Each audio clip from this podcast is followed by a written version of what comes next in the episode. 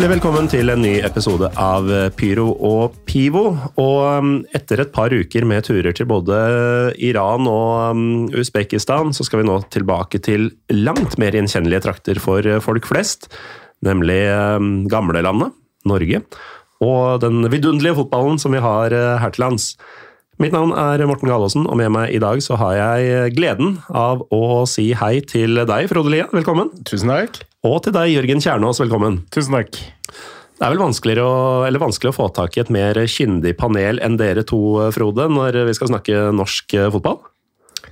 Ja, snakk Ja, tja De lærde strides. Ja, Du er ikke sånn kjempeglad i å bruke store ord om deg sjøl og egen fortreffelighet? Nei, jeg er mest vant til å snakke om andre. Ja.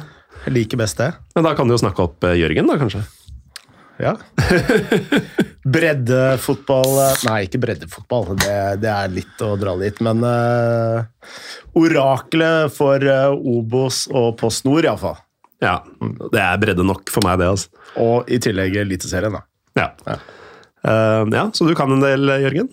Jeg ser i hvert fall en god andel norsk fotball. Det er mm. Han har litt, bomma mye òg, da. Altså, han uh, prøvde seg på tabelltips i fjerdedivisjon, og jeg var trener for uh, mitt kjære Kristiania ballklubb, og mm. han tippa oss på nedrykksplass. sammen med Joakim Jønsson. Uh, hvor uh, de mente at Kristiania uh, ballklubb kom til å rykke ned fordi de hadde en så romantisk trener i meg. Ja. Veldig lite kynisme. Og hvor feil har de tatt? Nei, Vi endte på andreplass, da. Ja, ja, Så det er et stykke unna. Var det mm, rett og slett konflikt mellom dere to på den tida? Jeg tror det var bare en liten tiltro til min fotballkompetanse. ja. ja. Ja, hva, hva, men i år tror jeg ikke det I år tror jeg ikke har bomma så ille, har vi det? det? Nei, ikke i år, men, men det, i år er ikke jeg hovedtrener heller. Så, så er det samme faen. Ja, ja. Så det har jeg ikke vært de to siste årene. Nei. Jeg ga meg med covid, jeg. Ja. For i år så er det sjuendeplass som er tipset, og det er vel Det ser jo ut som det treffer relativt uh, midt i, i hvert fall. Ja. Det er akkurat der de ligger. Mm. Ja, det er klokt, klok av skade, eller? det er liksom jobber deg oppover? Det gøyeste med tabelltips er jo, ikke sant, det er jo alle de tingene her. Når var dette? Fem-seks år siden, sannsynligvis. Mm. Det er, du ser jo, altså, Tabelltips er skumle saker, for det, det husker det. folk på uh, veldig lenge. Det er litt som eh, plateanmeldelser. Du, du, husker toerne? Ja, vi mm. gjør det. Så vi har jo samme Det er jo jeg jobber og Vi hadde jo et Trønderlyn i fjerdedivisjon. Mm. Fikk jo 100 odds som vinner. Nå leder de avdelinga si med fire matcher igjen. Ja. Jeg leda med ti poeng for et par uh, uker siden, og så har de tapt litt, snarere to poeng ned til Ranheim 2. Men det, uansett, det er småsprekt med det laget man dømmer fullstendig nord og ned. Ser ut som de skal da ta sitt andre opprykk på rad. Så det er noen bomskudd av og til. Okay, det, men eh, Hva er ditt største bomskudd i Eliteserien, da? Siden det er det vi skal snakke om. I år? Ja. Sarpsborg på fjerdeplass, da. Det hadde jeg òg. Men det er jo fordi Når jeg tipper, da eh, Litt av det handler jo også om å gjøre det bedre enn andre. Jeg tipper tabellen riktigere enn de største mediene. Og da må det jo man vet av erfaring at Vålerenga, Brann osv. tippes alltid for høyt av andre. Så hvis du mm. liksom skal du vinne en tabelltipskonkurranse mot VG og Eurosport og sånn, så er jo oppskriften å tippe Vålerenga Brann noe lavere enn det du håper, eller tror selv, fordi da sitter du med litt verdi. ikke sant? Mm.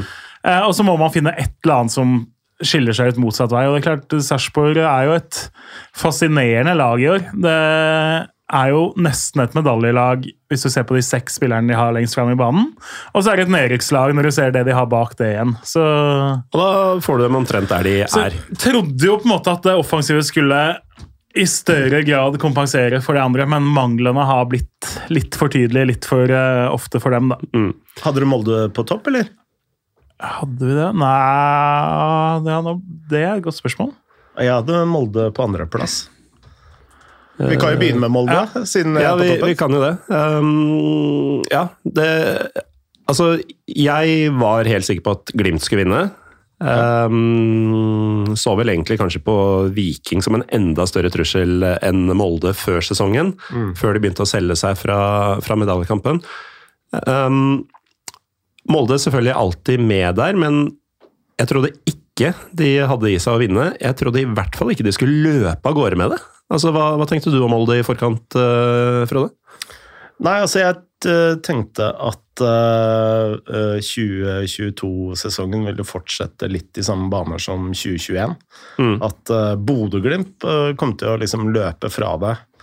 og at mye av suksessen til Molde eller suksess, altså Andreplassen i fjor da, var til Wolf Eikrems ære, mm. på en måte. Og når et lag blir litt for avhengig av én spiller, så så er de lettere å ta ut, da. Eh, Skulle man Men tro. så viste det seg at eh, de hadde jo ikke bare Wolf eh, Eikrem. De Nei. hadde jo mange, mange andre òg, som virkelig har levert. Fofana, ikke minst. Så, ja. Det var ikke så jævlig nøye med han om Janfo heller. Han, han, har blitt erstatta, han. Det er jo det interessante med Molde i år, er jo nettopp det. ikke sant? OI bort. Eh, I vinter handla det mest om hvordan de skulle erstatte han. Da spilte de jo 3-4-3 med Eikrem eh, veldig som fall og og så skulle Brynildsen og Fofana mm. være kantspillere når de forsvarte seg, og så da egentlig opp oppover spisser da når de hadde ballen. Funka ganske bra, da, men altså, Eikrem har jo vært mye borte, eh, som man vet. Brynildsen har vært skada veldig lenge. Eh, Sheriff Sinjan har vel ikke spilt et sekund, han har vært skada hele sesongen.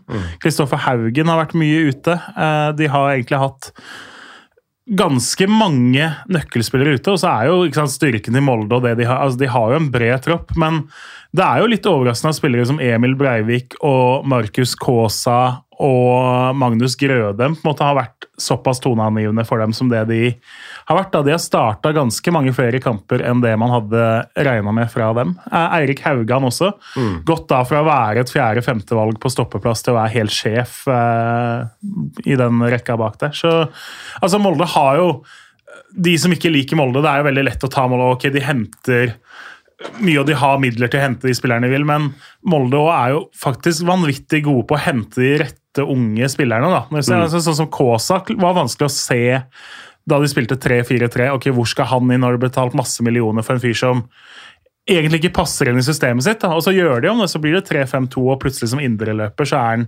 helt fantastisk. Så jo, de har jo muligheter som ikke alle andre har, men de er også veldig gode på å bruke de mulighetene på riktig måte. da mm. i markedet. Akkurat det, altså De fire var det vel du nevnte nå, som man på en måte ikke hadde sett for seg være toneangivende i det hele tatt. Eh, de skal i hvert fall ikke være toneangivende på et lag som per nå leder med typ 13 mm. poeng. eller noe sånt. Altså, det Gullet har jo vært delt ut i flere uker allerede, og avstanden øker jo bare fra mm. uke til uke nå. Det er jo uh, det er jo rart, egentlig. Altså det, det, er litt sånn her, dette er laget som ble nummer to i fjor. Um, Toppskåreren borte, viktigste spilleren har vært mye ute. Flere av de andre viktigste har vært mye ute, som sagt. Og litt sånn herre um, Solid, uh, men litt kjedelig, kanskje, trener ja, men, i Erling uh, Det man kan spørre om, da altså, uh, Molde har den beste bredden i Eliteserien. Det tror jeg er få som er uenig i. Men har de sånn spiller for spiller den beste startelveren. Og hvis du svarer eh, nei på det, som jeg tror kanskje kan være litt mer diskusjon rundt, så kan du jo spørre om eh, led... Altså, jeg mener ikke det, men man kan jo spørre seg eh, Leder Molde fordi én, Bodø-Glimt spiller i Europa, to, eh, Rosenborg eh, er ikke veldig bra. Eh, Viking solgte seg fra gull. Lillestrøm eh, eh mangler en del av eh, grunnleggende spill til å være topplag, osv. osv. Rett og slett mangler eh, kandidater til å altså, altså, Konkurrentene feiler, da. Mm. Og så er jo noe av det interessante med de lagene. Se hvordan Molde har takla det å spille da torsdag-søndag kontra egentlig det både Lillestrøm, men kanskje spesielt Viking. da. Altså det er jo Én ting er de salga til Viking, men også hvor ufattelig dårlig de takla det å skulle prioritere Europa, men samtidig da være god nok i Eliteserien. Mm. Eh, det er ikke noe tvil om at de ikke takla det å kjempe på to arenaer samtidig. Eh, litt samme med Bodø-Glimt, som jo altså, Man kan jo bruke alle superrelativer i ordboka om det Kjetil Knutsen har gjort de siste åra, men det mangler jo det der lille ekstra overskuddet. har de jo mangla nå siste måneden, siste halvannen. Så kan du si at de var de var gode i den avgjørende kampen i Champions League-valgene og burde jo egentlig ha gått videre. Også, og sånt, Men sånn som hjemme mot Molde, da, i det som var en form for seriefinale, og sånn som nå når de møter Haugesund f.eks., de mangler det derre ekstra giret og den overmenneskeligheten som vi har følt at vi har sett mm. av dem i nesten tre år. da. Mm. Eh, og litt av det er, må jo være på? Noen av de spillerne begynner å ha ganske mange kampminutter nå til å være en som spiller i norsk eliteserie. Mm. Eh, det har vært veldig lite rullering. Klart, nå har de de taper på manglende bredde, med andre ord? Ja, manglende, altså at de Nå har de blitt litt bedre i år da, på å bytte spillere. og på en måte altså Er kampen avgjort etter 60-65, så bytter de ut Pellerino osv. Men uh, det har jo egentlig 2021 og 2022 så har det jo bare, eller 2020 og 2021 så har det jo bare vært kjør på med samme gjengen, bytt to minutter før slutt. Spill 90 minutter to ganger i uka for de viktigste. Jeg mm. tror jo sånn som Ulrik Saltnes nå, eksempel, som jo har gått fra å være fantastisk god til å være fortsatt god, men ikke noe sånn at uh, han er i nærheten av det nivået han hadde 2020. Så tror jeg at Molde Se hvor mye Molde bytter, og hvor mye de faktisk tør å la en del av de nøkkelspillerne sitte litt på benk, spille siste 25. Ja, ok, Du møter Jerv borte, da kan du ta sjanse på å spare noen, la noen være hjemme med halvskader osv. Mm. Eh, Glimt har ikke vært like gode der heller, så det er en del av bildet. Ja, så vi er enige om at det er noe overraskende at Molde har fått en så lett vei til eh, gullet, men at det er ganske logiske forklaringer som kommer opp her. da. Um, og det uh, Nei, altså Når eh, Molde vant i, i fjor, uh, eller forrige fjor Eller tre år siden, faktisk. Tre år siden, ja. Så var det jo veldig med Lars Bohin, blant annet, som argumenterte for at det var jo fordi de tok en spansk en eh, under covid, og de kom mm. rett ut av startblokkene. ikke sant? Og, og at eh, det var fordi de andre ikke var gode nok. ikke sant? Så eh, jeg ville bare dra opp det, det spørsmålet igjen. Fordi det er jo et legitimt spørsmål. Mm. Hva, hva, tenker du rundt det spørsmålet? Nei, jeg mener det er feil. Mm. Men, ja, Eh, jeg er veldig imponert over trenerteamet, eh, som har eh, lagt om både formasjon og spillestil. og uh, til noe som har fungert knall. Mm. Særlig nå som Meikrem har vært så mye borte, og at det har funka. Satsa på spillertyper som kanskje ikke har et så stort navn. og i en toppklubb som Molde så koster jo det litt også. Så nei, jeg syns det har vært en god, god jobb av trenerteamet oppe i Molde. Ja, og spesielt etter at altså de, de, tenker jo alltid at de skal ta gull. Mm. Um, og det at de da uh, var sjanseløse på det i 2020, og til slutt uh, ikke lyktes i 2021, så er det jo uh, det er veldig godt jobba da, å, mm. å, å, snu det til at man har såpass tro på både egen kunnskap, egne ferdigheter, egne spillere. Um, og da få det til. Ja. Uh, men nok hyggelig prat om Molde, egentlig. Uh, det, dette var et ubehagelig åpningskvarter. Uh, det, det, sier jo kanskje litt om det at de antatt nærmeste konkurrentene ikke har levert, da, når andreplassen i snakkende stund er Lillestrøm sportsklubb. Som attpåtil leda serien i flere uker i sommer. Mm. Så du eh, er jo veldig glad i både sportssjef Simon og trener Geir, eh, Frode. Men selv du må vel være overraska over eh, resultatene som har kommet på Åråsen denne sesongen? At de vil ende opp på, på sølvplass? Ja, at de har vært serieleder et godt stykke ut i sesongen og nå fortsatt ligger som nærmeste utfordrer til ja, altså Jeg hadde de på uh, tredjeplass på mitt uh, tabelltips. Da er jo ikke du overraska i det hele tatt? Nei, så er jeg ikke så overraska. Uh, og det, det, handler jo mer sånn filosofisk om at jeg mener at det er veldig un underkommunisert Altså, Som journalister og podkastere så snakker vi om gjerne hva som skjer mellom 16-meterne, men vi snakker altfor lite om hva som egentlig betyr noe i fotball, og det handler om å være god innafor 16-meterne. Og jeg mener at det er ingen andre lag i Eliteserien som er så gode som uh, Lillestrøm innafor 16-meterne. Og da tenker jeg ikke bare på at de skårer mye på, på cornere, f.eks., men at de er gode til å forsvare seg innafor 16, og at det, det, ser jo ikke så pent ut når Lillestrøm uh, spiller, men uh, innafor boksene er de helt overlegne. Så har det jo lugga litt uh, egentlig siste ja, halvannen-to månedene nå. Ja, det med, med, det å faktisk komme inn i spesielt motstanderens 16-meter. Ja. og da, da, blir det jo vanskelig, når mm. spisskompetansen ligger nettopp inne der. Ja. Um, Åssen har du opplevd eh, årets eh, LSK, Jørgen? Jeg har jo Man ser jo det samme. For det er klart at disse dødballene og det som skjer under 16-meterne, det er jo det som gjør at Lillestrøm er på andreplass. Hvis du ser på på en måte alle andre parametere, altså det som skjer mellom 16-meterne, så er jo Lillestrøm et ganske middels lag i 2022. Mm. Uh, så i forhold til alt på en måte av, som er produsert, og hva de, antall poeng de burde ha hatt i forhold til spill og de tingene. Det er jo en kjempelang diskusjon man kan ta. Men uh, de har jo fått bedre betalt i form av poeng enn laget har sett ut som helhet over 23 kamper. da. Mm. Det må man jo si. Og så har man jo spesielt bak altså Én ting er at de er gode inni uh, egen 16-meter, men altså denne kollektivet også bak. da. Den fireren man har bak når alle er skadefrie, med keeper og tre stoppere, mm. er jo bunnsolid og utfyller hverandre bra. så man har jo definitivt sine svakheter, spesielt uten Adams på topp, så blir man ganske lett å lese og litt for eh, Eller egentlig altfor forutsigbare.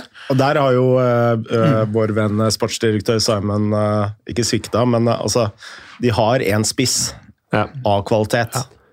I hvert fall en som passer til måten de spiller på. Jeg synes jo altså, Fride Jonsson er jo i det riktige laget så er han jo en god spiss. Mm. Eh, Lillestrøm 2022 er ikke det riktige laget for han og måten han spiller på. Han er jo veldig, veldig typete. Han er jo ikke en som behersker mange sider av spillet og kan utfordre rom osv. Nei, altså det LSK-laget han skulle komme inn i nå, de skal ha kampen i et veldig spesifikt bilde. Uh, før han mm, ja. holdt å si kler den spissrollen. Og Thomas Lene Olsen har heller ikke sett veldig bra ut etter han uh, kom tilbake. Han uh, har jo ikke spilt kamper, eller hadde ikke spilt kamper siden mai, var det vel.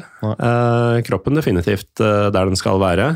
og så kunne jo altså Nå fikk han jo en scoring mot, mot Rosenborg sist. jeg har tenkt at det, han kom med veldig forventninger at uh, det handla litt om å få inn den første der og bare komme i gang. Mm. Uh, og gudene veit åssen det hadde sett ut, uh, hvis jeg har rett, da, om den kontroversielle offsiden mot Kristiansund, var det vel, hadde blitt stående mm. i det første innhoppet hans. da ville han jo blitt, blitt, matchvinner på overtid der. Um, men ja, det, det har lugga litt, og, men det har sett mer ut som om det er kamptreninga. At bevegelsene, touchet og sånn ikke har sittet helt. Mm. Men jeg, jeg, tror det er lite som skal til før han eh, kommer ordentlig i gang. Altså. Du tror ikke han er eh, sånn aldersmessig litt over Det er ikke så lenge siden i fjor. går, altså, Bikker du 30, så går det jo fort, altså.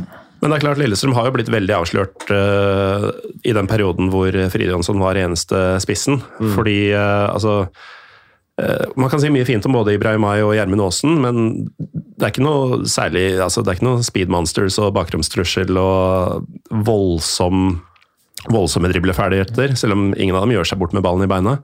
Men, men, det blir jo veldig sånn eiendommelig angrepsspill. Mm. Mm. Spesielt da når Khan Kairin ikke har vært uh, seg sjøl helt denne sesongen. Uh, Magnus Knutsen har jo virkelig prøvd å fylle den rollen, men der også skorter det ofte litt på siste tredelen. Eh, jeg har blitt ekstremt glad i Magnus Knutsen nå. Det mm. må jeg bare innrømme. Ja. Jeg syns han er helt fantastisk. Han er jo helt nydelig, men uh, som fan, da, som jeg er, mm. uh, for de som ikke har fått med seg det ennå, så er det ganske frustrerende at den siste pasninga enten kommer til feil tidspunkt eller er litt, litt off. Mm. Uh, sånn at noe som kunne blitt helt magisk, ender opp med ingenting. Det kommer.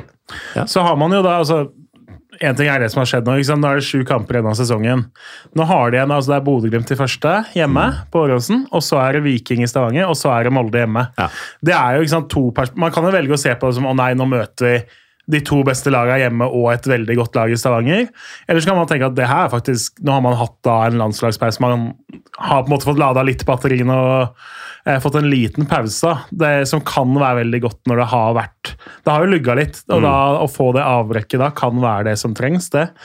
Eh, og får man på en måte de nødvendige poengene i de kampene, da, så står det igjen fire matcher som er langt mer overkommelige på papiret, og da Altså, så Det er nesten så man føler litt sånn fra utsida at Lillestrøm-supporterne nesten snakker det mer ned enn man faktisk trenger. Da. Man ligger faktisk på annenplass også.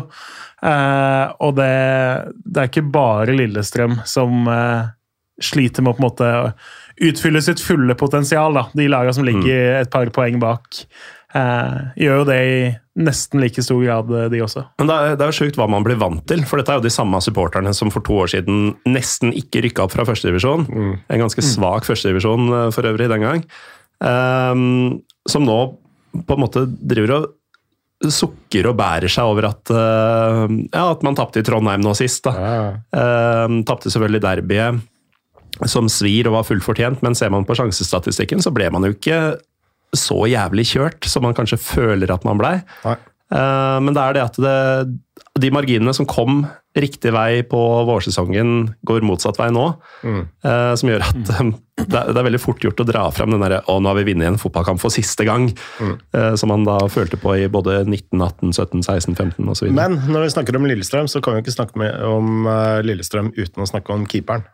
For jeg mener jo Lillestrøm har en av en av de to beste keeperne i Eliteserien. Hvem eh, er den andre? Uh, nei, det må jo bli uh, grytebuss, da, kanskje. Hmm. Jeg mener jo egentlig altså, jeg mener jo egentlig at Mats er, er best. Ja. Ja. At han burde ha vært på landslaget. Hmm. Valsted må med i diskusjonen, han òg. I hvert fall etter sånn han har vært, men jeg er enig. at det... Men han har vært mer opp og ned? Ja da. Uh, han, er, han er en keeper som gjør seg mål. godt på høydepunktene. Da. Har ikke, har ikke skåra mål heller. Og har et litt annet forsvar foran seg enn det eh, Mats har for så vidt, som gjør at han, han, blir mer synlig. Han får mer å gjøre. Ja. Eh, men uh, helt enig at det Og så er jo litt av det at ok, nå hadde han vært han hadde jo vært tredjevalg sannsynligvis på landslaget nå, når du ser hvordan Ståle prioriterer der. da. Så det er jo tross alt bedre at han er med U21 hvor han i hvert fall har mulighet til å få minutter. sånn sett. Mm. Men helt enig at inn igjen kvalik nå eh, når vi skal i gang med EM-kvaliken. Så klart den er lenge dit. Da. Han kan bli solgt i januar til en fransk klubb og bli sittende på benken der og på en måte svekke aksjene sine som han òg. Mm. Men per nå, da, når vi er i slutten av september, så blir jeg overraska hvis han ikke er en del av keeperteamet når vi starter den EM-kvaliken. Mm. Men øh, vi kan jo Vi skal jo se litt på hva vi tror om øh, både topp- og bunnstriden utover høsten etter hvert, men vi kan jo ta et par lag til først. og mm. Gå litt kjappere, da, eller? Ja. Nå uh, brukte altfor lang tid på Molde, det er det som er problemet. Men øh, Rekdals Rosenborg de er jo i ferd med å gjøre mitt niendeplasstips til skamme. Mm. Uh, noe som irriterer meg noe grønnjævlig. Men uh, der har det jo virkelig snudd, da, fordi det var en periode hvor den niendeplassen ikke så så dum ut. Mm. Og så Ja, hva er det som foregår? De tapte vel 3-0 for Raufoss i generalprøven en drøy uke før de skulle opp og møte Bodø-Glimt på Aspmyra. Mm. Det var ganske naturlig at dommedagstipsene kom da. Eh, så kan man jo si at Uh, hva skal man si uh, Noen ganger så dukker det opp helter fra de mest usannsynlige steder i verden. Altså, At Ole Sæter skulle bli uh, talismanen for det Rosenborg-laget her. En fyr som ble lånt ut til Ullkisa i fjor, var dårlig og skada og skårte null mål for et Ullkisa som rykka ned. Og kom egentlig bare tilbake til Lerkendal nærmest fordi han hadde kontrakt og det ikke, mm. nesten ikke ble kvitt han. Og så plutselig da så står han igjen som en fyr hvor det egentlig er litt krisen at han ikke vil forlenge kontrakta si som går ut om litt over et år. Det, den, hvis vi snakker om liksom spådommer som han hadde i mars-april, at han, at Ole Sæter skulle være den som har løfta Rosenborg, ikke på egen hånd, men langt på vei, da, har hatt mye av æren, den så jeg ikke gå med. Nå har de jo begynt å få resultater, eh, Frode. Mm. Men uh, hvis jeg hevder at uh, Rosenborg, altså sånn identitetsmessig på egentlig alle måter, mm. ikke er Rosenborg uh, nei, nei, altså det ligner jo ikke på et Rosenborg-lag. Nei i det, i det hele tatt? Nei, altså ikke på noe nivå omtrent. Nei. Altså Verken altså, fra matta opp til eh, styrerommet. Um, hva, tro, hva, hva, tror du at den jevne trønder tenker? Altså, må jo være utrolig ambivalent for uh, folk som har gått på Lerkendal i alle år, å se den versjonen av laget samtidig som de faktisk nå har sportslig suksess, da, i hvert fall i en periode. Ja. At det funker med noe annet enn uh, Godfoten. Altså, Jeg tror uh, Rosenborg-supportere er så bortskjemt med gull, så det du omtaler som sportslig suksess, det, det anser dem ikke som uh, sportslig suksess før de er på toppen. Nei. Og jeg tror Rosenborg, uh, særlig når det kommer til det offensive spillet, da, grunnspillet, har såpass store mangler at de ikke vil klare å ta igjen Molde og Bodø-Glimt, egentlig. Altså nå snakker du i et lengre perspektiv. med ja, samme... lengre, mm. altså To-treårsperspektiv, mm. da. Uh, hvis du drar Europa også ut av ligningen her, uh, så har de såpass Men samtidig så har du jo noen vanvittige spillere. Kasper Tengseth ser jo, ser jo ut som gull. Men det er litt av det samme som eh, Lillestrøm, da. Det er sånn god organisering, eh, bra dødballer, god, god kontringsspill. Det tar deg til et visst nivå, da, men det tar deg aldri til toppen. Altså, det er, det er bare unntakene. Altså, det er liksom Leicester og uh, Atletico Madrid uh, i ny og ne, liksom. Mm. Uh, det må Hvis du ikke klarer å dominere kamper, altså virkelig dominere kamper, så er det veldig vanskelig å, å vinne en uh, liga. Selv Eliteserien. Jeg var jo på Lerkendal i mai og så kampen mot Haugesund, eh, hvor det på en måte snudde litt fordi nettopp Ole Sæter kom inn og Pereira, liksom. Men det å sitte da på øverste tribunene der på Lerkendal og se ned altså, Nå er jeg helt middels taktisk, men fy søren altså Jeg hadde lyst til å liksom fryse bildet, gå ut, dra Skarsheim, dra Tagset liksom, Skal, Sånn som man gjør på en, et treningsfelt, da, ikke sant, når du driver med trening og Altså, Det var så lett å forsvare seg. da. Det var en midtbanetreer som sto på linje hele tida. Altså, skulle trille litt på tvers. ikke sant? Det var ingen imellom, ingen som utfordra med ball, ingen som skapte to mot én. Altså, ja, ja, ja, altså, når ja. Rekdal sto på vg.no og kritiserte offensivt spill til, til, Norge, så tenkte jeg at det kom fra rett ræv. og så blir det jo også tatt på altså Det er for homogent på den midtbanen. Liksom, du så, ser jo hvordan Tromsø kjørte dem. altså Tromsø avslørte jo Rosenborg fullstendig eh, før den kampen hvor de vant 4-3. Og de har blitt tatt ordentlig av en del andre mm. lag òg. Eh, spesielt på bortebane, da, når de møter lag som tør å ta litt sjanser offensivt. Eh, Haugesund også har vært gode på å avsløre Eller eh, lag som er godt drilla offensivt. Ja, ja, og som har litt plan for hvordan de vil angripe og finne de rommene som mm. etter, Jensen og Skarsheim og Holse der, det er ikke en midtbane som defensivt og når Rosenborg ikke har ballen, som passer sammen godt nok. da. Uh, så jeg, Uten at man skal liksom tilbake til 90-tallet og ha, en sånn der, eh, ha et rivjern eller finne en Roar Strand eller et eller annet, så må du i hvert fall finne noe som gjør at du, er, du ikke blir tatt på kontringer på samme måte som det det blir nå. De, hva, tenker du, hva, tenker du, om det, uh, Jørgen? At uh, altså, trenere som uh, spilte og gjorde og blei trenere sånn på 90- og 2000-tallet uh, Jeg har litt inntrykk av at de fortsatt henger, henger, igjen, og så har det kommet en ny, uh, ny bunke med trenere som er hva skal vi kalle det? Litt mer oppdatert, som i Kjetil Knutsen, Gaute Helstrup i Tromsø. Vi snakker om Tromsø nå.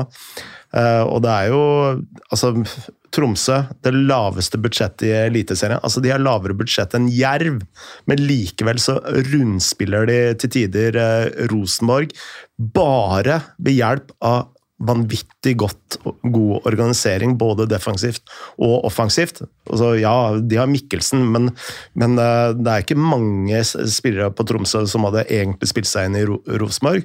Og det sier noe om uh, trenerrekrutteringen til Rosenborg òg, da. Altså, det, det, virker som det går mer for navn enn en eh, kompetanse. Nå sier jeg ikke at Kjetil Rekdal ikke har kompetanse, for det har han jo åpenbart, men det er Eh, det er morsomt å se at det er andre trenere som kommer opp og frem, bare med tanke på know-how. Ja, hvis man, eh, altså Angående Kjetil Reitals kompetanse, jo da, han har den.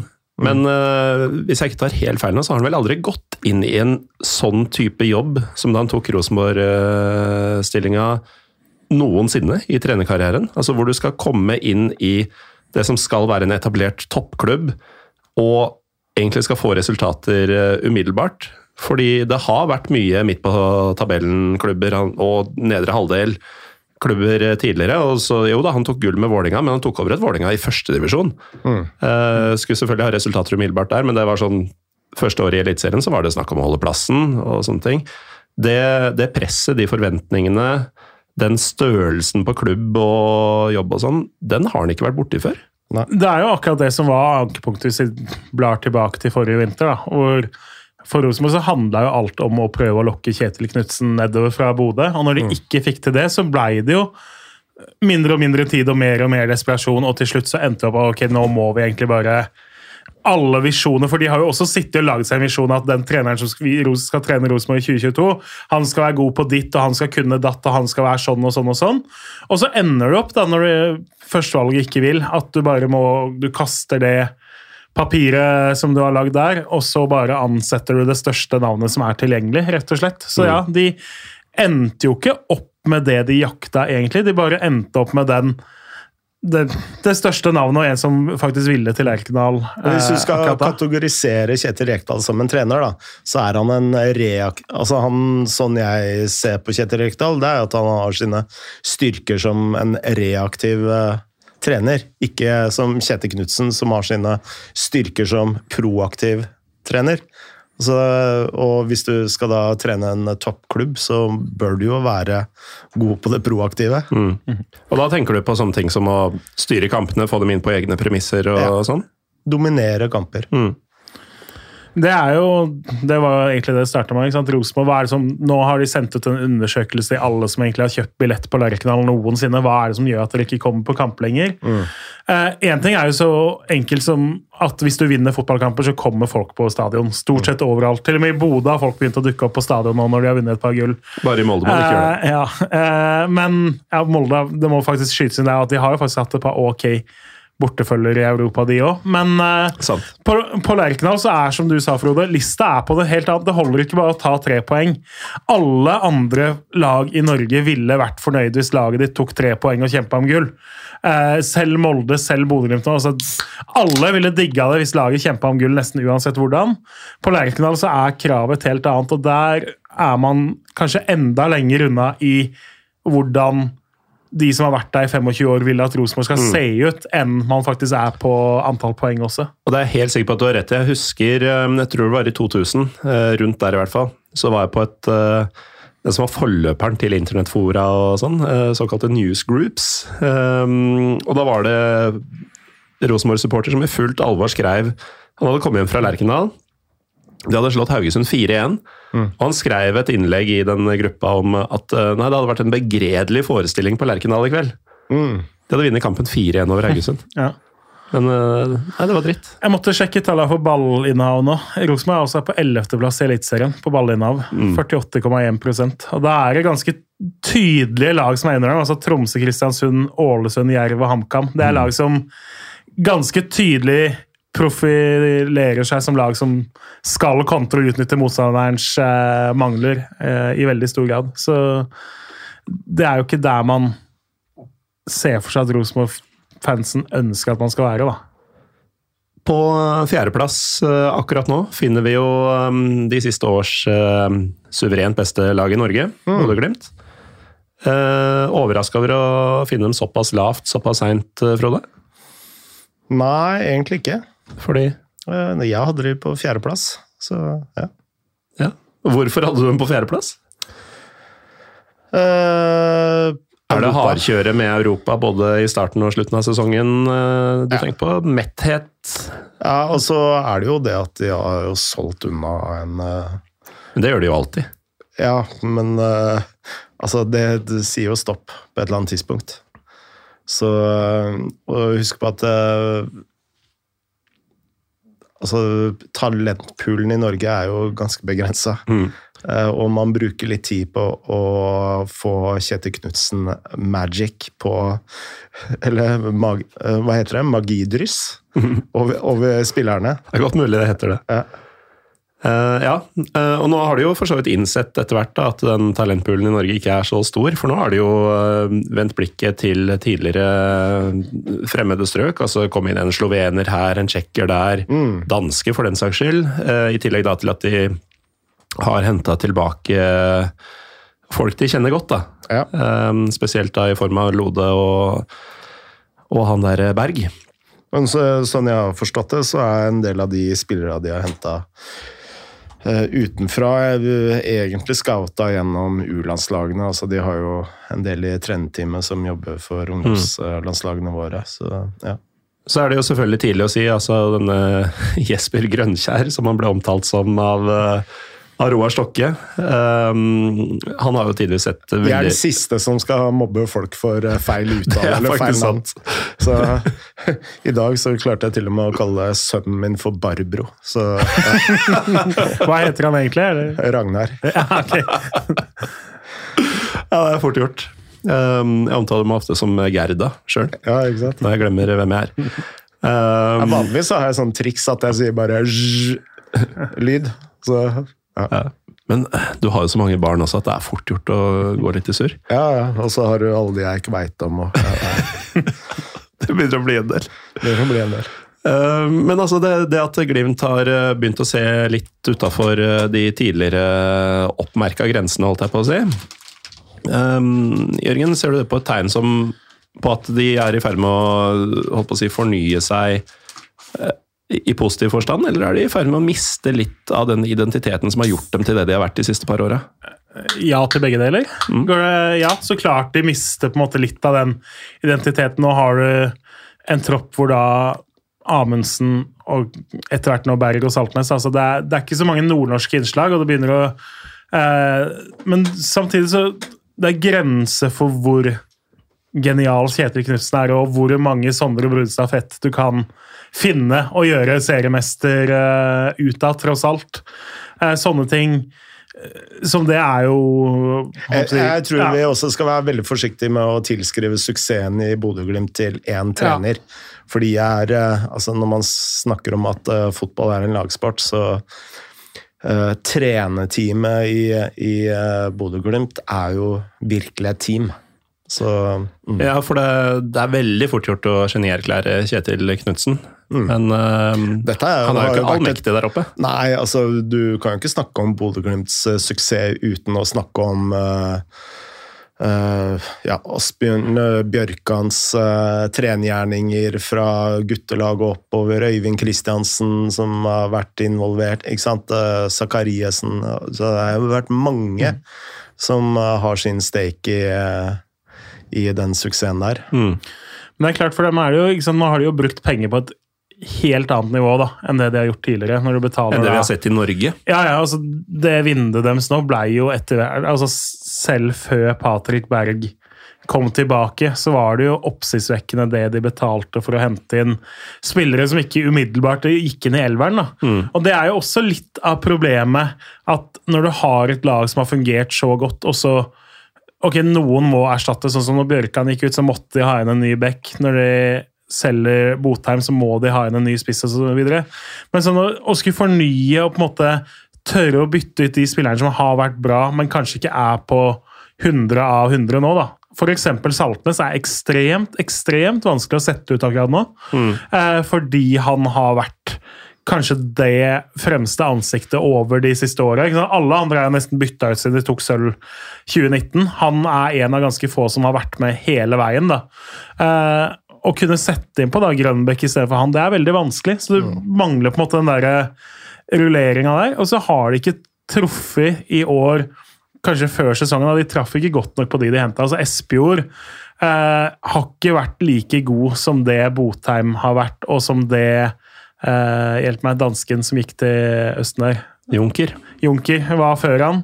Ikke sant? Som de traff ti av ti på Bodø. Har alltid hatt spisser som har skåra masse. Altså den, mm. Det er som Tromsø var på 90-tallet. Ja, altså den statistikken for Glimt uh, siste, altså, Fitim Asemi var fantastisk for dem. ikke sant? For noen år siden Ibba solgte de. altså De har alltid, uansett hvor dårlig det har vært, så har de truffet med spisser og egentlig solgt de etter et år. da. Jeg tror Stig Johansen i sin tid var ment å sitte på benken. Ja, det er, Han kom fra Lofoten for 200 000 eller noe sånt. Ja, det er Helt fantastisk der. Og så er det jo, ikke sant Pellegrino har vært litt skada, Solbakken har vært ute lenge. Eh, Mangla litt på stoppeplass der hvor det har vært litt bytter osv. De, det har ikke gått like problemfritt da, og like rett fram som det har gjort de siste åra. Mm. Og så er det litt overraskende likevel, da, fordi hadde vi snakka her nå før de møtte Molde og tapte 1-4 for dem, så kunne jeg nesten vært tilbøyelig til ikke kalle dem favoritter, men at det var ganske Hvis de hadde vunnet mot Molde, da eh, Man kunne sitte her før den kampen og sagt ok, vinner de nå, så kan det hende at Glimt nesten er favoritter osv. Jeg holdt dem som favoritter før den kampen. Ja, eh, og så har det på en måte falt helt sammen over da ikke de taper for Tromsø borte, Haugesund hjemme. Det var jo en sånn kamp, De hadde jo noen av de da de vant gull, og hvor de ikke spilte så bra hjemme, men likevel klarte å bare mane fram det målet. Vi hadde vel Lode hadde vel en halvvolley i krysset der til 2-1 for et par år siden. Litt sånn, de tok de trepoengerne selv på dårlige dager. De tar det ikke lenger nå. Og det er, liksom, det er litt fordi de har bomma litt på overgangsmarkedet. Litt slitne. Eh, mangler den derre undervurderte flyten da, som mange mm. lag har.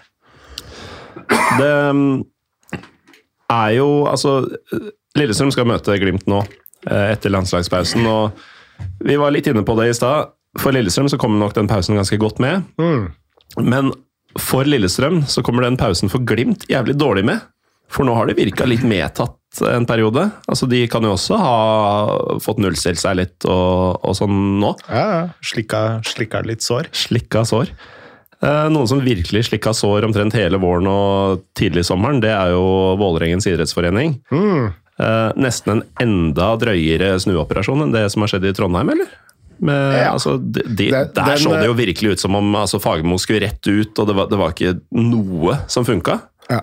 Og ja, de, dette blir også ubehagelig å snakke om. Nei, jeg så ikke noe, noe, vei ut der. Nei, det var jo ikke det. Åssen fant han den, da? Han kasta ut noen uh, råtne egg. Ja. Uh, fått inn noen uh, supre signeringer som uh, ikke så mange prater om.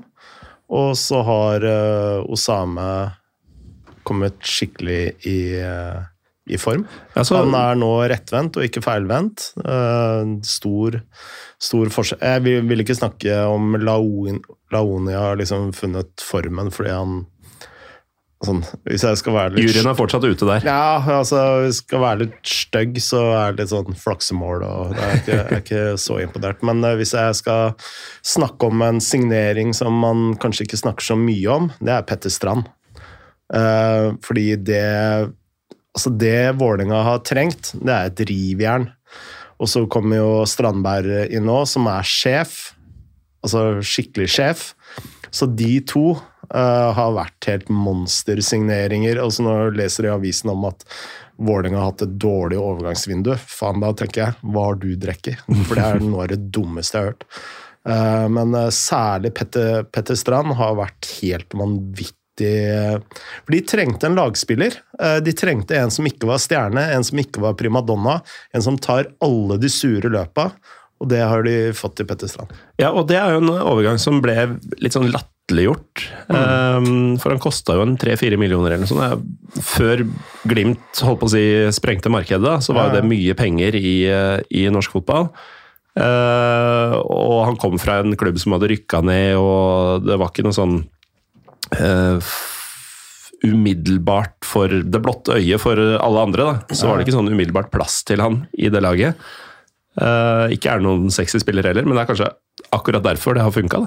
Absolutt. Ja, også Noe av det Vålerenga mangla totalt i fjor, var jo bredde i troppen. Eh, og nå har du ikke sant, både han Christensen og Bjørdal da, til de indreløperrollene. Du har da Oldrup Jensen som kan eh, steppe inn når Odin Tiago Holm er ute. De, den bredden både på backplass og på indreløperplass ble veldig tydelig utover høsten i fjor. Så Strand har jo også måttet fylle noen andre roller i år enn bare å være indreløper også. Og det var egentlig en sånn type spiller de trengte. da. Mm. Uh, Skal jo sies at ja. Tiago har jo vært mm.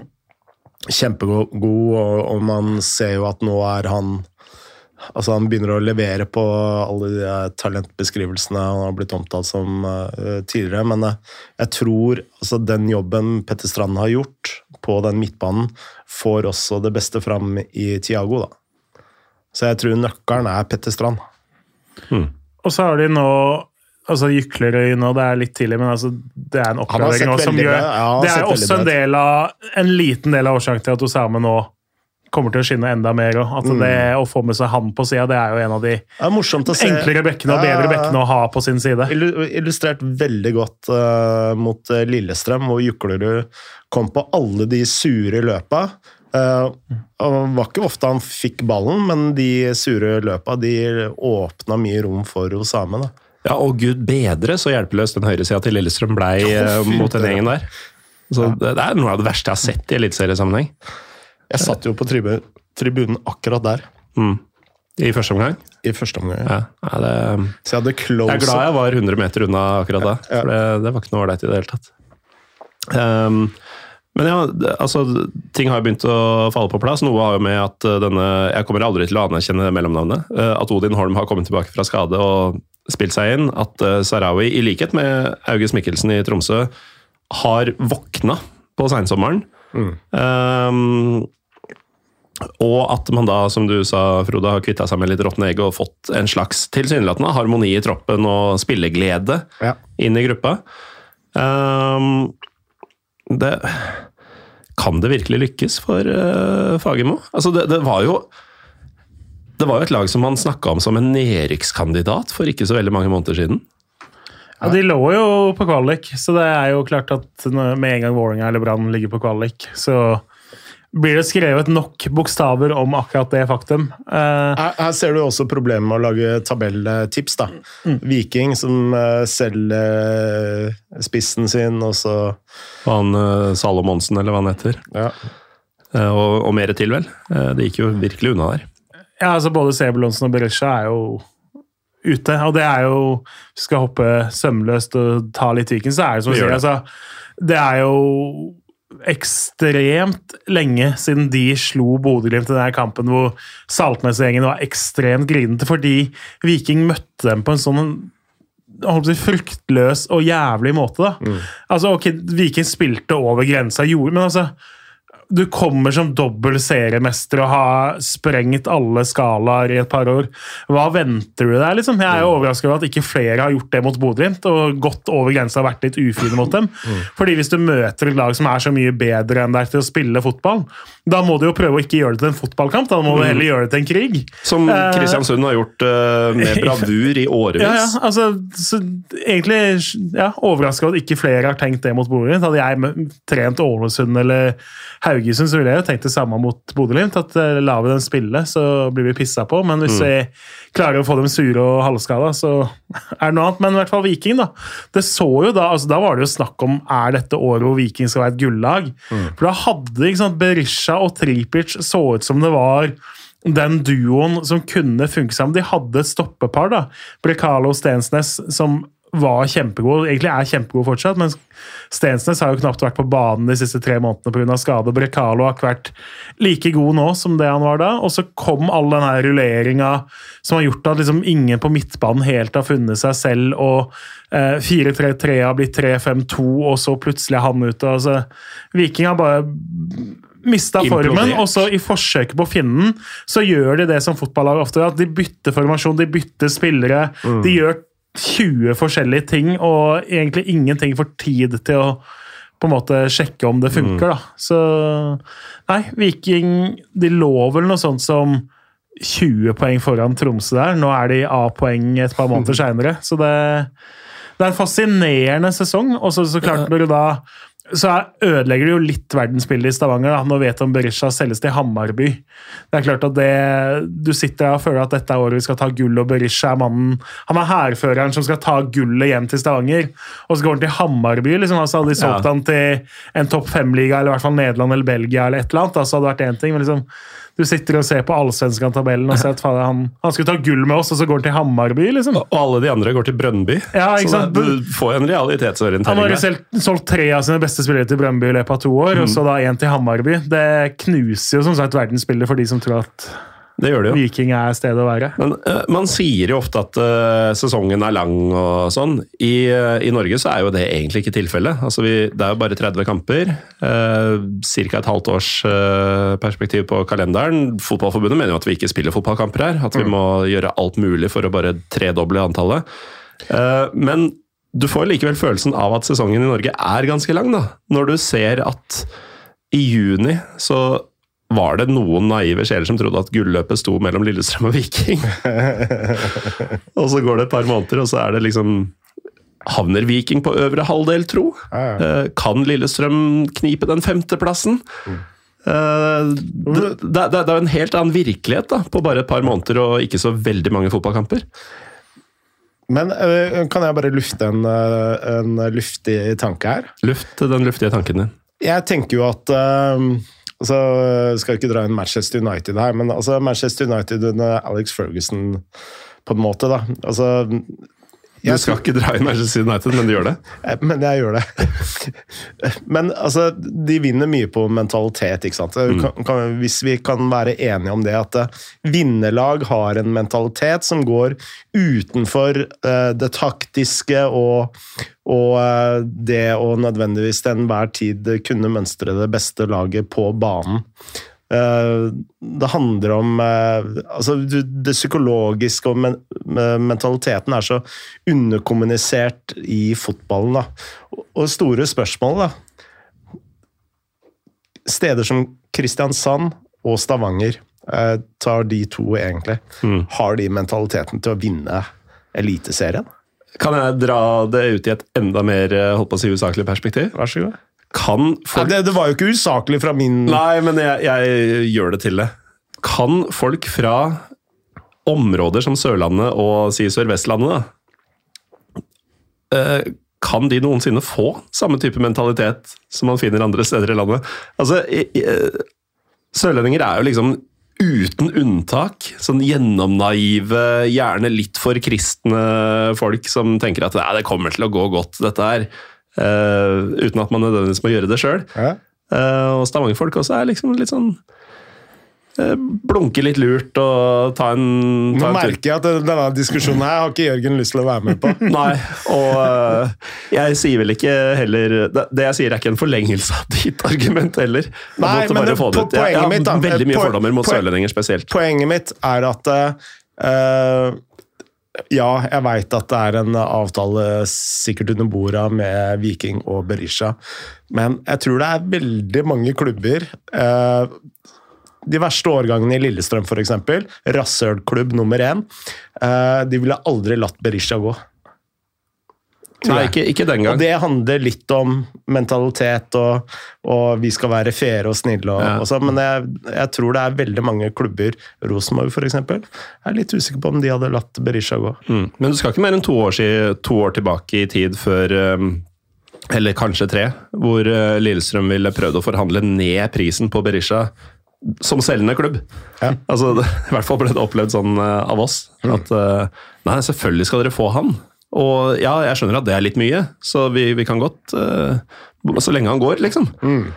Um, ja. Og så sitter det da holdt på å si, en regnskapsfører og skal ha noe å mene der om x antall millioner inn. ikke sant? Det er jo noe litt annet for Viking der enn for Molde. da, som, ikke sant, ok, OI hadde skrevet kontrakt med Røde Stjerne, de prøvde å kjøpe han ut i fjor, men det var jo fullstendig uaktuelt fordi verdien av å ha med OI i fire måneder til kunne ikke måles i seks eller sju eller åtte millioner kroner. ikke sant? Det var noe helt annet. Du hadde en toppskårer som skulle skyte deg til seriegull. Så nei, Viking mangler jo da litt den derre toppfotballmuligheten som f.eks. Molde da har når det kommer noen og vil kjøpe toppskåreren din. Eh, så er det ikke sant, for Molde nå Ok, de kunne, de kunne, ha solgt for Fana nå, men skulle de solgt for Fana nå, mm. så måtte det til et tilbud som føltes for godt til å si nei til. Altså, da mm. hadde det vært liksom 20-30-40% over det de verdsetter han til. Da begynner det å bli aktuelt å selge han med to dager igjen av vinduet. Mm. Viking selger jo med en gang de får et ok bud, sin desidert beste og sin desidert viktigste spiller. Jørgen uh, skøyt argumentet mitt med rasjonalitet. Mm. Må bare bøye meg i støvet. Vi skulle aldri invitert Jørgen. Nei. Tenk om bare vi to hadde sittet her nå med hver vår pils og, og, og bare begynt med det der Men, mentalitet på Sørlandet. Apropos svak mentalitet, hvorfor i alle dager drikker du Åsøl, Morten? Du drikker også Åsøl akkurat nå? Ja, nå ja, men det, er jo er, er, det noe sånn eh, Frydenlund ikke bra nok? Nei, eh, Frydenlund er fint, det. Ja. Ås er også fint. Ja. Litt tilfeldig. Det er det som var i, tilgjengelig akkurat i den butikken jeg var i. Altså, jeg, jeg kunne jo kjøpt Hansa. Jeg tenker at folk liker Ås bedre. Um, Ringnes går jo ikke. Um, så da ble det Ås. Som Årvoll-gutt, Jørgen. Eh, det er Frydenlund eller Skaus, ikke sant? Ås er jo nå, er jeg, nå sitter jo Hønefoss et sted i, hjertet, i fotballhjertet mitt. Da. Så det er jo Ås ganske Var jo en gang problematisk da det faktisk var en rivalisering som gikk to veier eh, med Godset og Hønefoss. ja, tenk at den tida fantes jeg tenker at den, Nå er man jo så heldig at NFF glemmer hvem de har satt opp i cupen 2021, sånn at man fikk møte Godset i cupen både 2021 og 2022. Da. Mm. Det er jo mm. veldig hyggelig at de lett schizofrene på Ullevål eh, gjør det. Så hvis de samme har ansvar for å sette opp cupen neste år, så blir det jo faktisk et tredje møte på rad, kanskje. Mm. Men eh, ja, det, ja det, det, blir det jo fort. Det, før, hvis, hvis det blir noe cup neste år, da. Ja, hvis det blir noe cup, herregud. Det Ja. Hvor lang tid har du holdt på å si? Det, Nei, at det er mulig. Jeg, jeg har en um, ganske bunnsolid teori om, om, det forslaget der. Uh, hvis vi skal ta en pause før vi går til bunnlagene. Uh, og det er jo at uh, ikke et eneste menneske i NFF har ment det forslaget om å skrote cupen seriøst. Det er bare et sånn derre Bare sånn journalistisk ja, ja. latskap. Altså, nei, nei, det, det, det, ligger jo der ute. De, de har sagt det. Men Nei, de har, det, det, er bare for å, få, det er for å få forslaget om å fortsette med den derre todelte 22-23-type-cupen uh, med videre. At den skal se mm. bedre ut enn å ikke ha cup i det hele tatt. Yes. For det er det de egentlig vil. Mm. Um, Men de har jo bare lagt fram uh, ulike scenarioer for mm. forbundsstyret. Ja. Men uh, når vi snakker om øl, så ja, kanskje vi kan uh, gå til byen med dårligst øl by far og neste klubb? Ja, nå vet jeg ikke helt hvor du vil, for jeg hadde tenkt å elegant hoppe bukk over midten av tabellen. og ja, jeg tror ikke vi skulle til Skien. Nei, det er ikke de som har dårligst øl i Norge. Nei, Hvem er det som har dårligst øl i Norge? Det er jo Tromsø. Det er Tromsø. Det er vi kan jo si litt om Tromsø, selv om de var i den bolken eh, med klubber jeg hadde tenkt å hoppe over. Men eh, ja, eh, du er ikke noe glad i makk? Ja, det er forferdelig øl. Er det et makkverk? Ja, det er et makkverk. Den, den, var billig. jeg må applaudere det. Nei, men altså, jeg tenker vi må jo snakke litt om den klubben som har steget raskest på tabellen siste tiden. Ja, og da Ja, det har de jo faktisk. Mm. Eh, og, Fra og, og blitt bunnklubb til eh, åttendeplass? Ja, og de, de, har blitt et lag som altså Åttendeplass er jo på en måte ikke sånn superimponerende isolert sett, men altså, veien opp dit har vært uh, kjapp. Og mm. ikke minst så har Tromsø blitt et lag som man gruer seg til å møte. Mm. Altså, man, man, ser seg ut den kampen, og det er ikke lenger sånn 'Å, deilig, en kamp mot tiendeplassen'. Det er mm. faen Tromsø. Mm. Hvem, hva, hva kommer de med? Jeg har jo fra et odds-perspektiv så har jo Tromsø vært det mest interessante laget de to siste årene. To-tre siste årene. Fordi veldig, veldig, veldig ofte, på hjemmebane spesielt, så blir Tromsø spilt ned. Uh, ofte når da, Det som sant, skjer i voldsmarkedet, at du kan spille litt ganske lenge før kamp, og så da når det liksom kommer tolv timer før kamp, og så åtte timer, så får du spilt mer. Med en gang på en måte det er mulighet til å spille litt, så kommer da disse store syndikatene og spiller på Tromsø hver eneste helg. Uh, så blir liksom H-oddsen på den spilt ned. Og det er jo fordi de her underliggende tallene til Tromsø er så vanvittig mye bedre enn Uh, de resultatene de faktisk har fått. Så kan du si, De, de er egentlig litt det motsatte av Lillestrøm. da. Mm. Lillestrøm spiller helt middels, men er helt sjukt rå inne i 16-meterne. Så kan du si at Tromsø veldig grovt sett da, spiller sjukt bra, men mangler en keeper og mangler en spiss. Mm. Uh, og så da de som da spiller penger på dette, tenker at i det lange løp så underpresterer i tallene sine så mye at ok, selv om de har en spiss som ikke helt veit hvor målet står, så kommer de til slutt til å få resultatene fordi de spiller såpass bra. da. Så jeg er som deg, jeg er veldig imponert over Tromsø, det defensive fundamentet deres. Mm. Det er ikke, altså, Med all respekt, eller delvis respekt for dem, altså, de har jo en keeper som nærmest ser ut som han prøver å hive ballen i mål i år, eh, selv om Haugård har blitt litt bedre. Eh, Anders Jensen, som kommer da sant, fra å vurdere ok, skal jeg nå droppe fotball og uh, holde på med yrket jeg har utdanna meg til. Han spiller ikke sant, sammen med Succé, og de har henta en danske De er vel det svake ja. punktet til Tromsø. Ja, altså, Men likevel, det funker jo, da. Mm. Det, er, det ser ut som et Obos-liga forsvar. altså Nesten hele det Tromsø-laget med et par unntak eh, fram i banen, ser ut som et Obos-ligalag. Ser ut som et lag som skal kjempe med Stabæk og Ranheim og Start egentlig nå. Mm. Og så funker det såpass bra. Og så henter ikke sånn Zakarias Oppsal, som aldri fikk sjansen i Vålerenga, som Vålerenga mista tråda på. Eh, var en Kamanzi som ikke var i nærheten av å få sjansen i Rosenborg, osv. De, må liksom, de henter jo ikke de nest beste i topprøret. De henter liksom tredje-fjerde-valgene fra Vålerenga og mm. Rosenborg osv. Og, så og klarer å få noe ut av dem. Så Tromsø er imponert over det de gjør på banen, og imponert over det de har fått til på spillemarkedet. Og så er de da altså, altså, Hvis Lasse Nordås nå løsner og de beholder han altså, Han kan løsne hvis han blir der en sesong til. Da er de et en liten dark horse, i hvert fall. Ikke til noen medalje, men til å gjøre det litt ekkelt for noen lag med tre ganger større budsjetter også mm. neste år. Jeg tror vi må, må, applaudere den jobben eh, Gaute Helstrup har gjort, fordi han har uh, virkelig gjort en god uh, trenerjobb. Altså, du ser at det er et lag som er gjennomorganisert. Gjennomanalyserer motstanderne. Alltid angriper uh, motstandernes svakheter og demmer opp mot styrkene. Mm.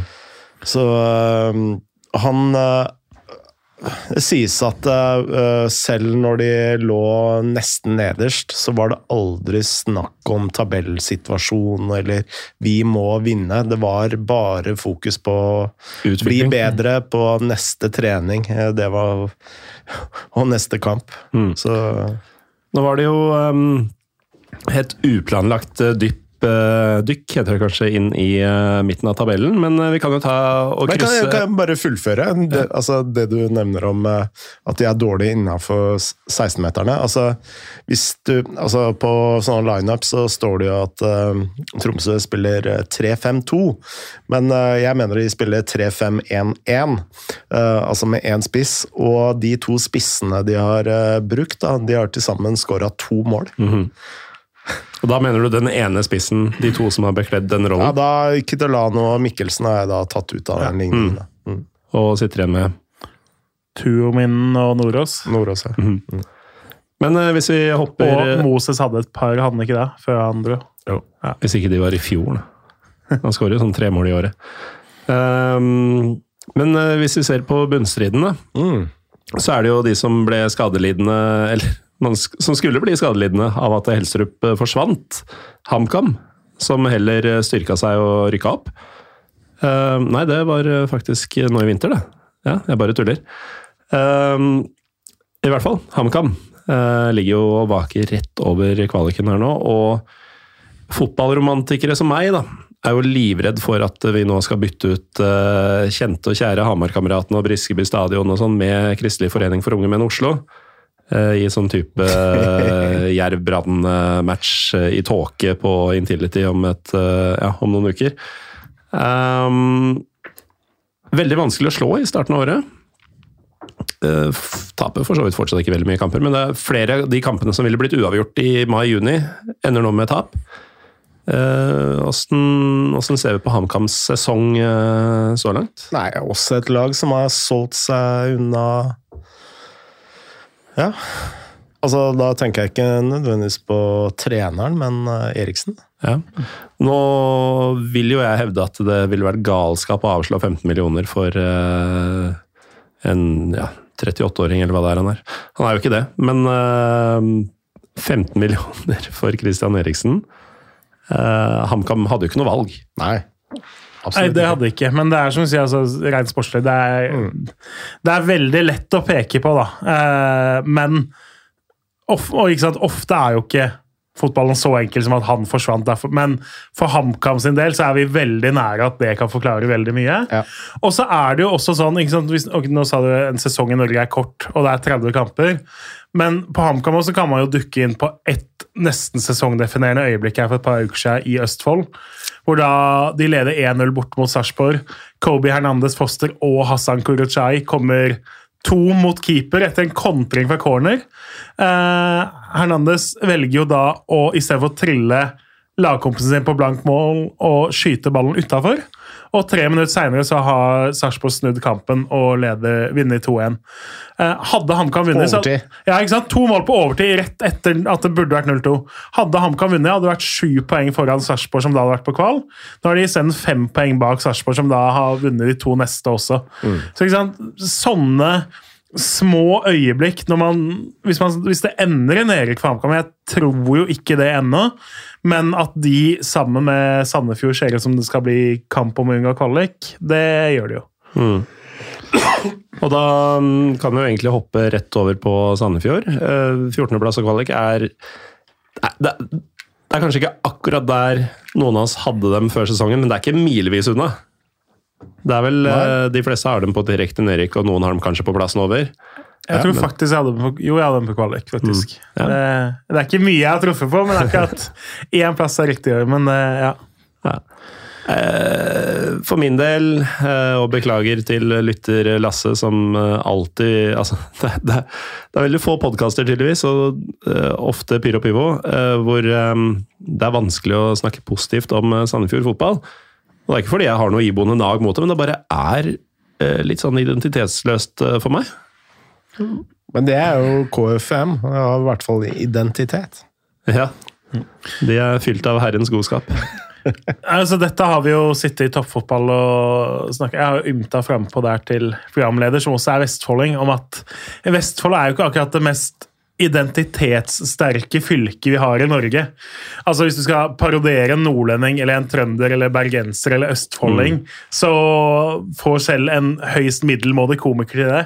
Men hvordan skal du parodiere altså, Hva ville du gjort hvis du skulle parodiert en vestfolding? liksom? Nei, altså Du ville, du ville satt ham på et NSB-tog og pendla inn til Lysaker, liksom? Altså, eller, ja, ikke, ja. ja, eller hvis du går 100 år tilbake, så har han vært hvalfanger. Liksom. Altså, ja. Hvem Ja, og Og- kanskje sagt at han toger inn til byen. Ja, du kunne og og, lagt du på litt sånn litt sånn mm. wannabe østfolding-ære. Det kunne. Men det er jo litt det samme med Det er deilig å få som- Jørgen ut på glattisen her. Og. Endelig skal han hate på et folkeslag. Ja, men det er jo litt sånn, ikke sant Klubben Sandefjord som med fylke Eller nå er det jo ikke et fylke lenger, da, men det, la oss ikke anerkjenne de sammenslåingene. Enig. Vestfold, fryktelig anonymt. Klubben Sandefjord, det samme. Eh, og så må vi dra inn det positive, er jo at de evner jo da å finne på en måte andre klubbers eh, restsalg. Og gjøre det om til fantastiske kantspillere. Altså, nå hadde vi da Normann Hansen og Vidar Are Jonsson i fjor, som jo var helt fantastiske. Ofkir har jo en gang vært en veldig spennende kantspiller, men i, i Sarpsborg så stemte jo ingenting. Han var totalt ute i kulda. Nå kommer han jo inn og har da ti mål og hva er det, fem-seks assist, og er jo egentlig Per nå skulle satt opp årets lag etter 23 runder, så hadde vel sannsynligvis Ofkir vært inne på det laget. Han har jo blitt det noen trodde og håpa han kunne bli for fem år siden. Og så har det bare stått helt stille slash gått bakover inntil nå. Men det er klart også har jo de, sant, de har fått et par skader på disse lokale, ganske gode unge, og de Du må hente ikke sant, Okay, Det er ganske eh, beskrivende for Sandefjord. da. De trenger en stopper. Hvor ser du? Jo, du ser til Øygarden, som gikk konkurs i annendivisjon. Der finner du liksom stoppeforsterkninger. Selv om Fredrik Flo har en som alle andre i familien, så er han jo tre hoder høyere enn si- Jeg holdt på å si resten av verden, men så ser jeg på deg, Morten. Ja, Eh, enn, de, enn de fleste av oss. Eh, men Har faren din vært i. Sogndal? Eller moren din, kanskje? Er det ikke ja, det er et eller annet er i drikkevannet der oppe, i hvert fall, som gjør noe. Men Sandefjord, det er jo det, Jeg mener jo at fotballens, at fotballens lover drar jo et lag ned. Til, til slutt så bestemmer budsjettet. Du kan ha et Leicester eller du kan ha et Bodø-Glimt, eller Sandefjord kan ha en tre-fire-fem sesonger i Eliteserien, men er det et av Norges liksom, 16 beste lag når du ser da, ok, du har da Start, Brann, kan si Stabæk osv. i Mm. uh, Obos. Sandefjord er et sånt lag som skal være oppe noen år, og ellers tilbringe det meste av tida si i Obos. Mm. Pga. budsjetter og historikk og eh, på en måte potensialet som ligger der. da. Så at de Man kan jo egentlig se det positivt at, at de er på 14.-plass, er jo som du sa, en plass over det veldig mange tippa dem, tross alt. da. Mm. Et lag som er under, der mange tippa dem, men som mange av oss begynner å bli livredd for at, faktisk, at vi ikke skal bli kvitt dem denne gangen heller. Kristiansund ballklubb. Mm. Eh, er ikke så veldig lenge siden det sto med ett poeng. Nå vinner de en og annen fotballkamp, og det gjør jo ikke HamKam og Sandefjord lenger. Nei. Er det fare for at det kan gå for Christian Michelsen og byen ved havet? Nei, det er ikke noe fare for det. Det er ikke det? Nei. Takk. Um, hva er det som har gått gærent i Kristiansund i år, eh, Jørgen? La oss gå tilbake til vinteren der òg. De forlenga jo med Christian Mikkelsen eh, kontrakta, som jo var veldig naturlig for dem. Det var jo interesse fra andre klubber der også for han. Han vurderte litt mulighetene sine, så kanskje at nå hadde han fått maks ut av hva som egentlig gikk an i Kristiansund. da egentlig mer enn maks. Men så blei han værende, og så snakka de liksom, når han skrev den nye kontrakten, så snakka han om at nå skal Kristiansund være et medaljelag. For nå har vi tatt femte, femte, sjette, sjette og sjuendeplass, eller hva det er de har. Mm. Eh, fem jo, sesonger på rekkefølge, Ja, sant? men det er i hvert fall fem sesonger da, mellom femte og sjuendeplass, som er helt fantastisk. Og så henter de jo da, hvis sant, på overgangsmarkedet, så henter de jo da spillere som har vært helt ok i Obos-ligaen, og det er liksom altså, Martin Skjølstad er en spennende venstreback, men når du da begynner å snakke om nå skal vi ta medalje Sebastian Jahl løsna aldri i Sarpsborg. Eh, Mikkel Rakneberg, som da kommer fra Ullkisa ikke? Altså, Han rykka ned med Ullkisa, og så er det på en måte på det nivået de henter. Det er litt der Kristiansund har lykkes så godt med det der, å finne de der spillerne som kommer fra Obos, eller som kommer fra andre eliteserieklubber, og så blir de kjempegode der fordi de kommer inn i en sånn mentalitet, og Kristiansund er så vond å møte alt det der. Men så har på en måte ikke det funka, og det har vært litt slitasje på ikke sant? Den troppen er jo egentlig ikke så god, men eh, som lag så har Kristiansund funka så mye bedre enn de elleve spillerne de egentlig har sendt ut på banen. da. Så har det bare blitt Jeg tror de hadde, en oppkjøring som var litt sånn De sleit litt med skade, sleit litt med å finne alle De har nok trodd at ting skal gå litt mer, da. Ok, Nå har vi fem sesonger på øvre, vi trenger liksom ikke bekymre oss helt for den nedrykksstriden. Og så har det kommet så voldsomt mot dem, da, på en måte alle marginer, og de har hatt skader, de har sett dårlig ut, og det Nei. Eh, og nå er liksom økonomien Nå ber de jo supporterne om å kjøpe sesongkort til neste år, sånn at de skal ha penger til å betale regninger de siste tre månedene av året. Supportere som eh, på ingen måte kan vite at det er den fotballen de har blitt vant til å se, som de skal se med det sesongkortet neste år. Um, så det sier kanskje litt. Um, Og så er det jo så klart, man kan jo, altså Når du må be supporterne om det, da, så er det jo klart det er jo ikke masse penger i Kristiansund. Men det føltes liksom ut som det laget som avslutta forrige sesong. da.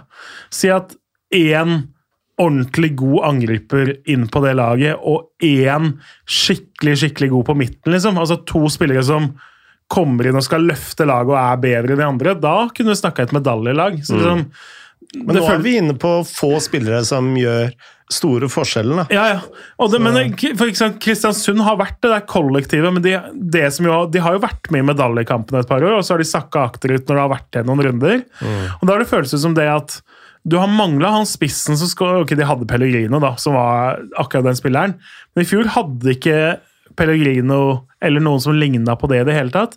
Midtbanen, masse liksom, spillere som funker, men ikke han derre ene fantastiske som drar med seg resten der, eh, og som hever det offensive spillet. Det har vært mye kriging og kjemping, og Hopmark er god på masse, men Hopmark er ikke den som på en måte spiller laget bedre. Han er, så, så nei, det har vært liksom litt uflaks. Mava skada osv., men eh, jeg tror jo, når du sier nei, det er ikke håp for dem det, De har for eksempel, de har en jerv hjemme i siste runde, da.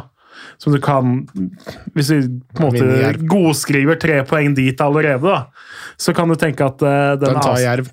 De tar Jerv i siste hvis Jerv er- altså, Kristiansund som har noe å spille for, mot et Jerv som ikke har noe å spille for. hvis det er sånn da, så er det jo, Og så har de i tillegg da eh, Ålesund og Haugesund igjen hjemme. Uh, så Vinnbare kamper. Vindberg, nå er det Rosenborg i Midt-Norge-derbyet, holdt på å si. Det er jo, Kristiansund har jo stått og sunget med på på Lerkendal på kampsanger der, de. Så det er jo et, men det er jo et lag som Rosenborg har jo både i treningskamper og tellende kamper fått seg noen Ja, når jeg tenker på Kristiansund, så tenker jeg det er synd det er eh, 16 lag i Eliteserien.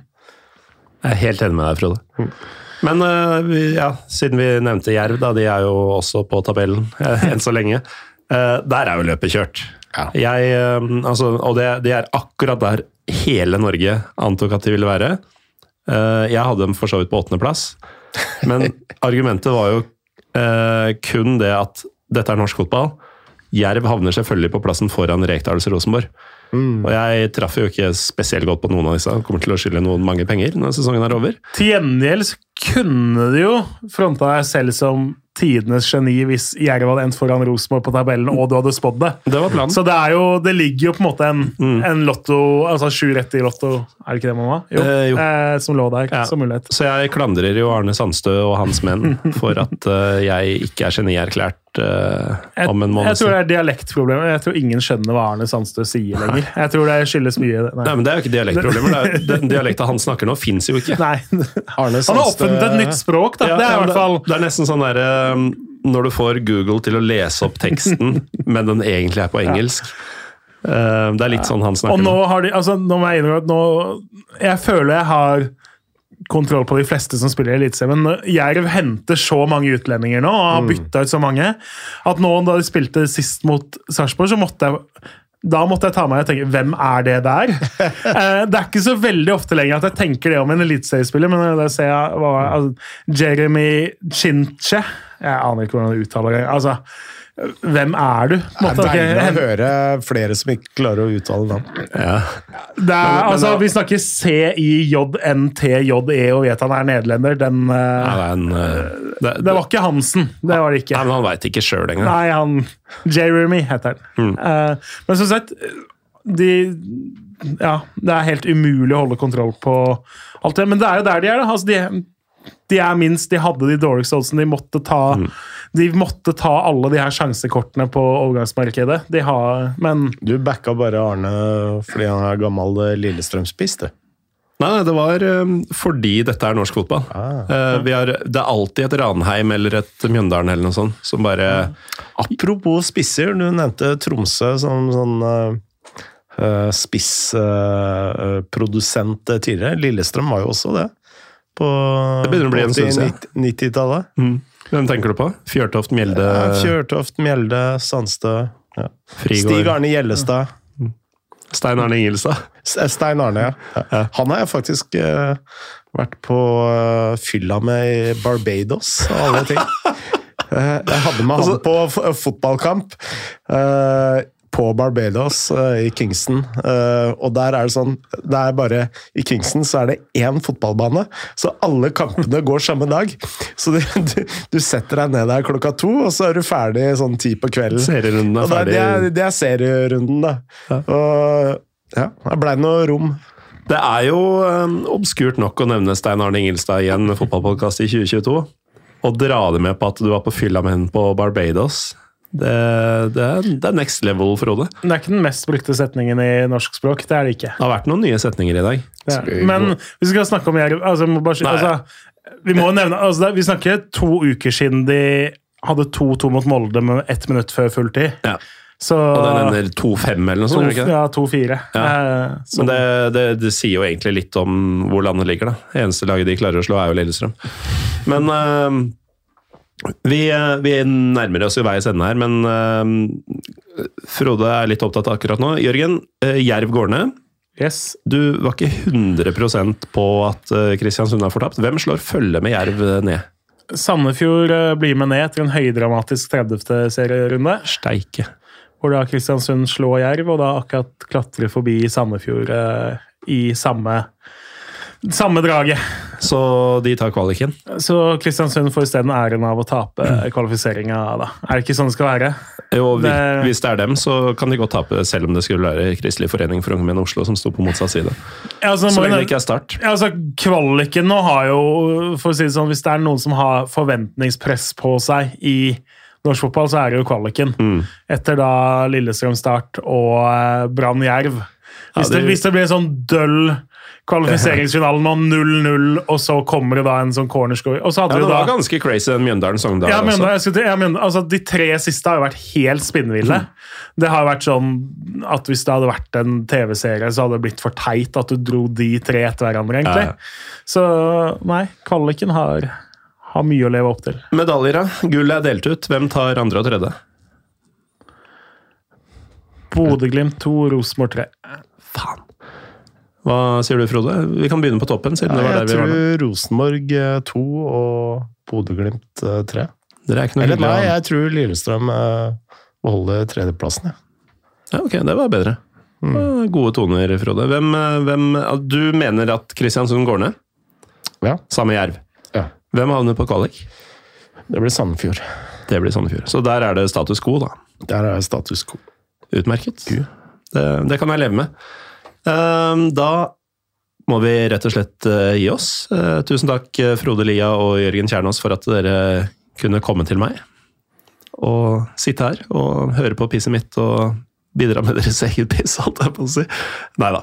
Overøse meg og lytterne med deres overlegne innsikt i, i norsk fotball. Um, til deg som hører på, hvis du er litt på gjerdet når det gjelder norsk fotball, så er det akkurat nå sju serierunder igjen. Det er de sju siste serierundene i norsk fotball noensinne uten VAR. Du må komme deg på stadion, selv om du har en unge her og en unge der, og en halvannen times kjøring til nærmeste eliteseriestadion. Bare, bare dra på det! Er det for seint å øh, stoppe det VAR-tullet, eller? Jeg er redd for det, men øh, vi kan alltid sabotere det når det først er i spill. Øh, mm. Jeg hørte om en match i Danmark nå nylig hvor de bare kjørte de siste 30 minuttene uten fordi det var noen tekniske problemer. De tekniske problemene kan vi og vår hær av fotballentusiaster bidra til i Norge mm. neste år.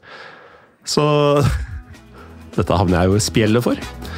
Uansett, takk til dere to for at dere var med. Takk til deg som hører på. Vi er Pyro Pivopod på Twitter og Instagram. Mitt navn er Morten Gallaasen, eh, men det trenger du ikke å fortelle myndighetene. Ha det bra.